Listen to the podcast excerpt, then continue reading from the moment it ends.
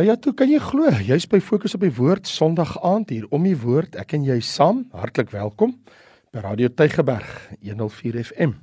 Ek is Raymond Lombard en wil graag vir jou lees in Hebreërs hoofstuk 12 vers 1 tot 3.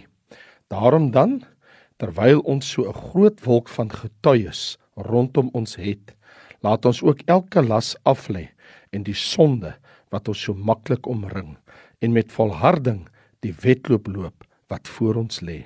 Die oog gefestig op Jesus, die leidsman en volëinder van die geloof, wat vir die vreugde wat hom voorgehou is, die kruis verdra het, die skande verag het en aan die regterkant van die troon van God gaan sit het.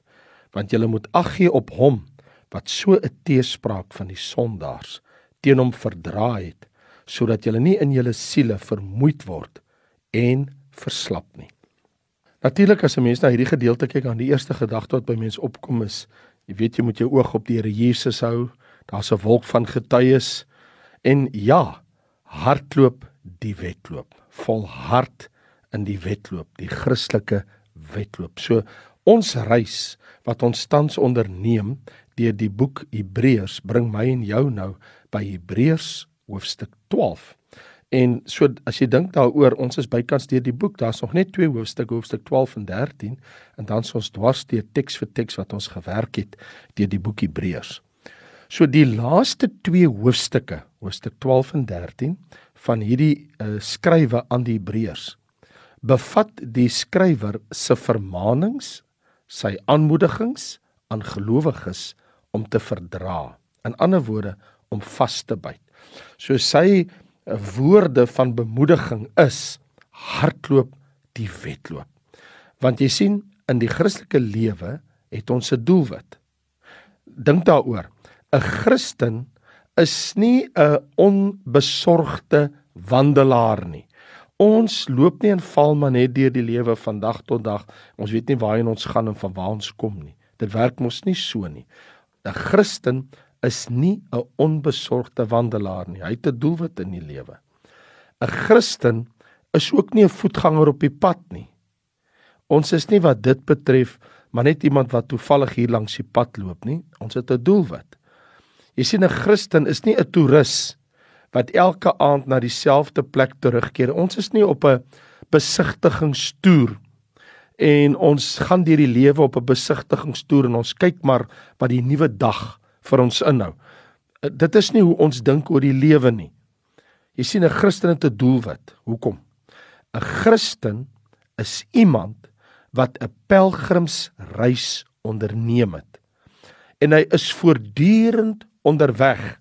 Hy is op pad iewers heen. Waarheen? Hy's op pad na die poorte van die hemel. Hy's onderweg na die heerlikheid van God that celestial city, die nuwe Jerusalem wat in die heerlikheid van God is en om by Jesus te kom. Nou, wanneer ons na hierdie gedeelte kyk wat ek nou net vir jou gelees het, Hebreërs 12 vers 1 tot 3, vind ons 'n metafoor. Nou, net gou vir jou sê wat is 'n metafoor as jy miskien al vergeet het of nog nie daaroor nagedink het nie. 'n Metafoor is 'n beeldspraak waardeur 'n woord wat op 'n spesifieke objek wys verplaas word op 'n ander. So die Christen se doelwit is mos gelykvormigheid aan Jesus Christus. En dan die metafoor wat hier gebruik word is die van 'n wedloop. In ander woorde, dink oor jou Christelike lewe soos aan iemand wat in 'n wedstryd aan 'n wedloop deelneem. Maar wanneer dit verplaas word hierdie woord of van 'n spesifieke objek op 'n ander is dit wel op so 'n manier dat 'n vergelyking geïmpliseer word. Dis amper soos toe hulle by Jesus kom en sê hoorie wat sê Herodes? Toe sê Jesus, "Hey, gaan sê vir daai jakkals." Jy sien daar's die metafoor. Hy vergelyk hom met 'n jakkals, iemand met 'n klomp skelmstreke. Nou, so dan word daar daai dit is die metafoor is gaan sê vir daai jakkals. In hierdie geval sê die skryf van die boek Hebreërs dat die Christelike lewe lei ons iewers heen en dit sal goed doen as ek en jy aan die einde van die dag vra, het ek vordering gemaak op die pad? En die metafoor vir die Christelike lewe wat hy hier gebruik is 'n wedloop. So die Hebreërs skrywer, hy vestig hier in Hebreërs 12 ons aandag op die feit dat vir hierdie rede dat ons in 'n wedloop is, moet ek en jy dink in terme van iemand wat in 'n resies betrokke is. So dit is ook so dat in die Christelike lewe wanneer iemand tot bekering en wedergeboorte gekom het, het die Christelike wedloop so pas begin. Die oomblik as die Christelike lewe begin, het die pistoolskoot uit afgegaan. Die skoot het geklap. Die wedloop begin op daai oomblik. Die oomblik toe jy tot bekering kom. Die oomblik toe jy jou hart vir Here Jesus gee. Die oomblik toe jy tot wedergeboorte gekom het, toe klap die skoot want jou Christelike wedloop, jou geestelike reis, jou geestelike pelgrimsreis het op daai oomblik begin. En nou is dit interessant dat Paulus sê in 2 Timoteus 4:7, ek het die wedloop volëindig. Ek het die wedloop volëindig. In ander woorde, hy kom aan die einde van sy lewe. Hy weet dat Nero gaan hom ontlaat onthoof in die gevangenis en hy skryf en hy sê in sy laaste skrywe ooit 2 Timoteus is Paulus se laaste woorde ooit opgeteken en hy sê ek het die wedloop volëindig. Alle gelowiges wil dit sê. Alle Christene wil dit sê. Ons almal om dit te wil sê moet ons die wedloop volëindig. En dit is die produk van volharding. So ons moet volhard. So die skrywer sê volhard in die wedloop wat voor julle lê. Maar om te kan volhard moet ek en jy kennis neem as ons in hierdie resies ons in hierdie Christelike wedloop bevind. Ons sal sekere dinge wat ons moet aflê. Nou kom ek jou vertel, die een ding wat jy moet baie vinnig ontslaa raak is 'n onnodige gewig wat jy moet met jou saamsleep. Nee, ek praat nie van jou lyf nie. Ek praat nie van hoeveel jy weeg nie. Ek bedoel as ek sê onnodige gewig, bedoel ek die obstruksies, die hindernis, die handicap, die las. Luister wat sê hy. Daarom moet ons elke las af lê. Vers 1. Lê af elke las. Ander woorde gewig letterlik die gewig wat verhinder elke gelowige worstel met sy eie laste elke gelowige het sy eie las wat totaal mag verskil van 'n ander gelowige sin want 'n las in hierdie konteks is iets wat jou geestelike groei verhinder wat verhinder dat jy goed vordering maak in jou Christelike wedloop Nou, kom ek gou vir jou sê, as jy wil hê, dan sê ek vir jou, 'n las kan selfs wees 'n vriendskap. 'n Sekere vriendskap met iemand wat dit hoort nie daar nie. Dit dit gaan nie jou geestelike lewe bevorder nie. Dit maak dat daar's meer hindernisse in jou verhouding met die Here. 'n Las kan selfs 'n assosiasie wees met wie jy geassosieer word.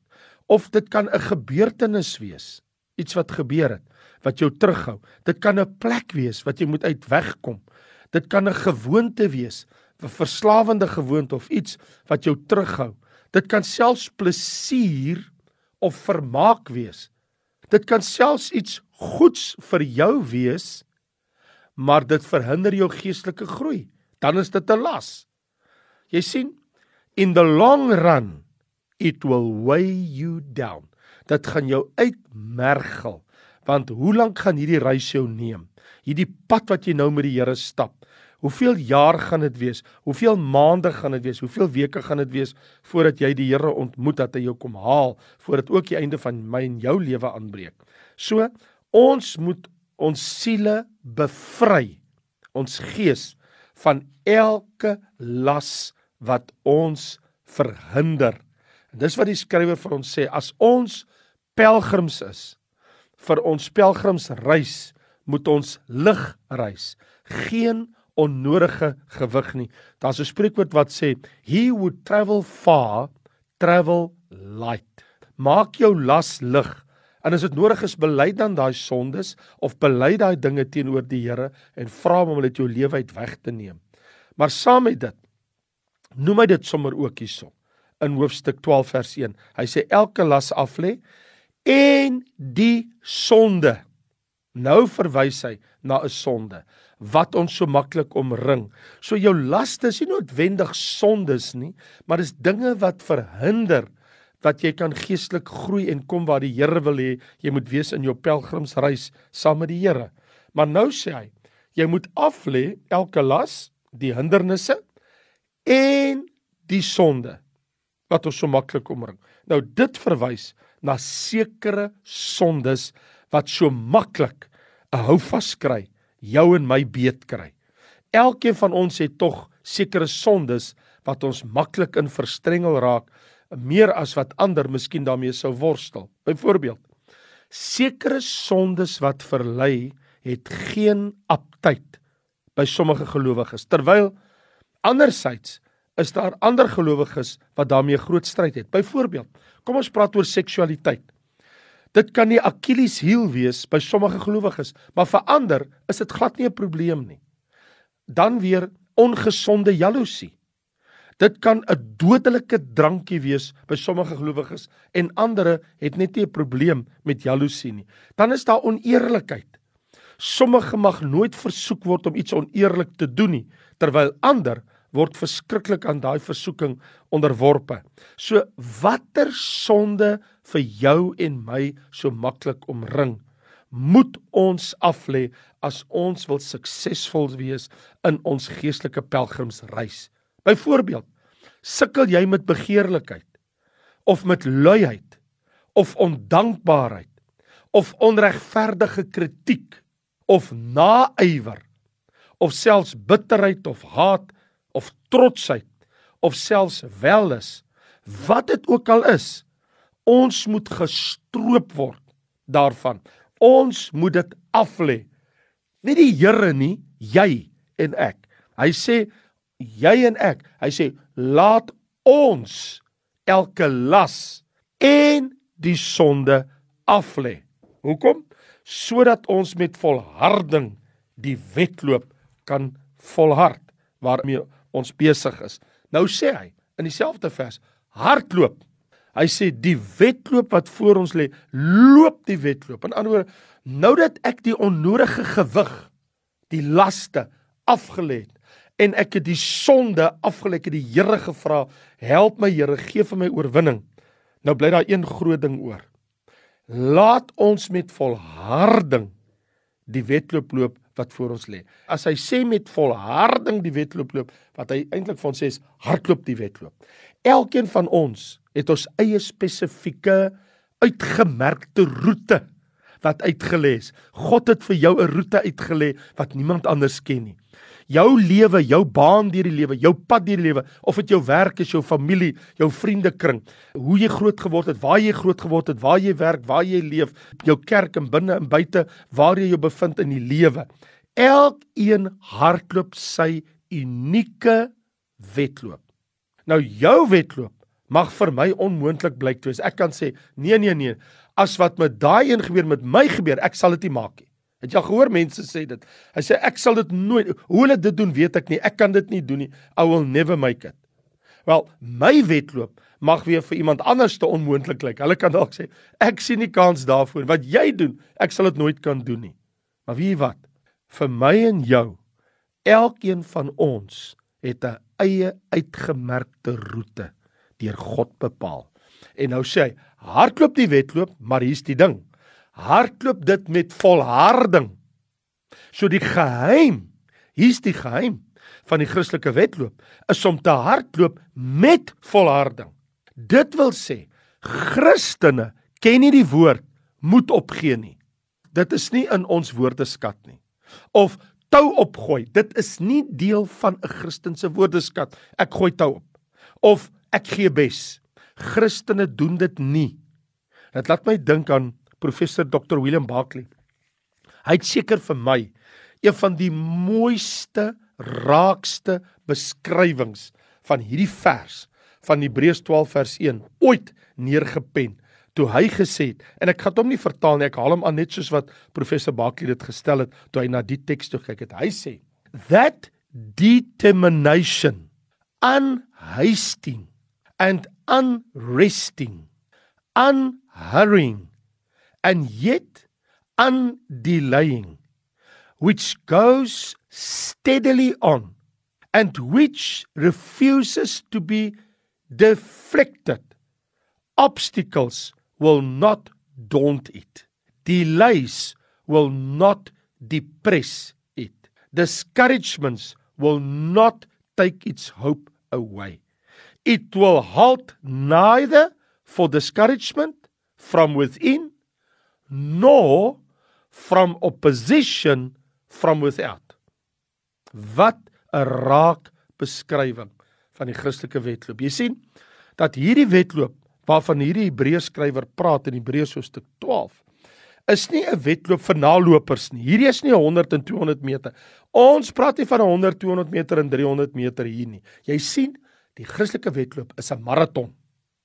Nou 'n maraton is ja vir hulle wat kan volhard en vasbyt. Jy sien, die vinnige die stadige, die sterk, die swak kan en mag almal deelneem. Maar dan moet almal bereid wees om te volhard. sien hier's die wonder. Volhard. Loop hierdie wedloop, maar volhard. Nou, hoe kan ek dit regkry om hierdie wedloop suksesvol klaar te maak? Hy sê, dis jy dit doen. Vers 2. Die oog gefestig op Jesus die leidsman en die volëinder van die geloof. Jy sien, nou dat elke las afgelê is, die gewig, die hindernisse en die sonde wat my terughou het en ek met volharding die wedloop loop. Nou sê hy, hou jou oog op Jesus, bly gefokus. Hou jou oog op Jesus. Ons moet bly fokus op Jesus nie op ander deelnemers nie, maar Jesus, hier is die probleem. Party mense as hulle aan die wedloop deel en begin hy rondkyk, jy weet party hardlopers ook, kyk hoe hardloop daai een, kyk waar gaan daai ene. Ek en jy moet ons oog hou op ons eie wedloop. Jesus die leidsman. Moenie kyk wat doen ander Christene nie, kyk na Jesus. En hy gebruik die woord daar archegos in Grieks. Archegos, uh, letterlik 'n pionier van geloof die stigter, die oorsprong, die bron, die leidsman, Archegos. Anders hy sê Jesus is die fokuspunt. Hy het dit begin.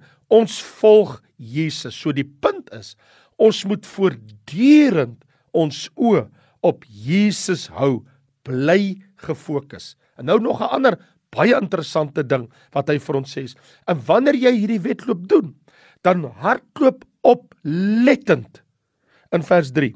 Julle moet ag gee op hom wat so teespraak van die sondaars teen hom verdra. In ander woorde, hier kom nog 'n element by. As jy jou oog op die Here Jesus hou, hy sê hardloop oplettend.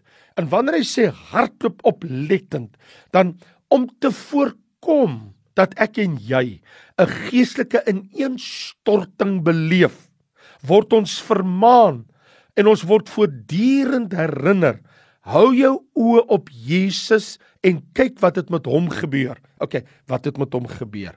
Hy het sy eie oppositie gehad. Daar was die Joodse leiers van die volk. Daar was 'n Kajafas, daar was Herodes, daar was 'n Pilatus, daar was die goewerneur gewees. En onthou Jesus se vertroue en sy nederigheid en dat hy tog staal sterk sy standpunt ingeneem het toe hy sy vyande ontmoet het. Ons kom nie en ons kan nie die ontsaglike wysheid van hierdie skrifgedeelte miskyk nie. Ons moet totaal begeesterd met Jesus wees. So vriende, vir hierdie rede moet ons die evangelies lees. Lees die evangelies. Lees Matteus, Markus, Lukas, Johannes. Lees dit weer. Lees dit nogmals weer. En vir hierdie rede moet ons aanbidding tot Christus en ons Vader gerig wees. En vir hierdie rede moet hy die een wees waarin ons alle dinge meet. Ek meet my nie aan wat ander Christene doen nie. Ek meet my aan die Here Jesus, want jy sien, ons as Christen gelowiges, ons as pelgrims reisigers in hierdie wedloop, Ons word omring deur 'n groot wolk van getuies. Onthou jy dan vers 1? Daarom dan, terwyl ons so 'n groot wolk van getuies rondom ons het, Dit is die aardsvaders Abraham, Isak en Jakob wat ons voorgegaan het. Die profete Moses, Elia, Samuel, Daniël, Sagaria en al die profete. Die apostels Petrus, Jakobus, Johannes hulle, die martelaars Stefanus hulle en Polycarp hulle, die predikers, die Lutherse, die Calvins, die Wesleys, die Spurgeons, die Breiners. Dink aan die sendelinge, die William Carey's, die Taylors, die David Livingstones, ons eie familie in Christus wat ons voorgegaan het. Dink aan jou ouma en jou oupa, jou familie wat die Here gedien het. Ek en jy kan nie nou stop nie. Ek en jy kan nie nou omdraai nie. Ek en jy kan nie wegdraai nie. Ons moet ons oë op Jesus hou en elkeen van ons moet die wedloop volëindig. So vriende, ek wil afsluit deur vir jou te sê en luister hierna dat die Grieke in Athene het 'n sekere wedloop gehad. En in hierdie baie spesifieke wedloop moes die deelnemers 'n brandende fakkel gedra het. En die oorwinnaars, al het jy gehardloop en jy het heel eers by die wenstreep aangekom en jou fakkel het nie gebrand nie, is jy gediskwalifiseer. In ander woorde, die oorwinnaars van hierdie baie spesifieke wedloop was die wat by die eindpunt aangekom het met hulle fakkels nog brandende. Ek stel dit aan jou om by die einde van jou Christelike wedloop aan te kom met jou liggie wat brand met 'n fakkel wat vir Jesus brand, moet ek en jy, as ons as oorwinnaars in die wedloop wil tree, moet ons ons oog op die Here Jesus hou, die fokus van ons lewe tot op die einde. Die wie die geloof en oog op Jesus Christus gefestig hou, te wees soos Jesus te wees soos hy wetende dat hy wag vir ons aan die eindpunt ek stel dit aan jou my Christen medepelgrimsreisiger volhard Wees oplettend. Hou jou oog op Jesus. Kyk nie na die ander deelnemers nie. Moenie kyk na die ander wat in die wedloop deelneem nie. Kom ek en jy los die sondes. Kom ons lê die las af.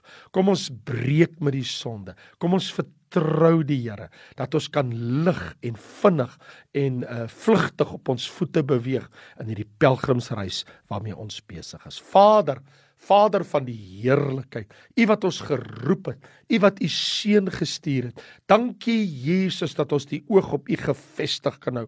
Die oog op Jesus, die leidsman en die volëinder van die geloof wat vir die vreugde wat hom voorgehou is, die kruis verdra het, die skande verag het en gaan sit het aan die regterhand van God. Here, so weet ons as ons kan ons oog op U hou en ons maak hierdie wedloop klaar, sal ons ook by die troon van God kan gaan staan en saam met U eendag op U troon sit. Help ons Here om as pelgrimsreisigers te volhard en hierdie wedloop te volëindig, hierdie geestelike wedloop in Jesus naam Vader. Amen.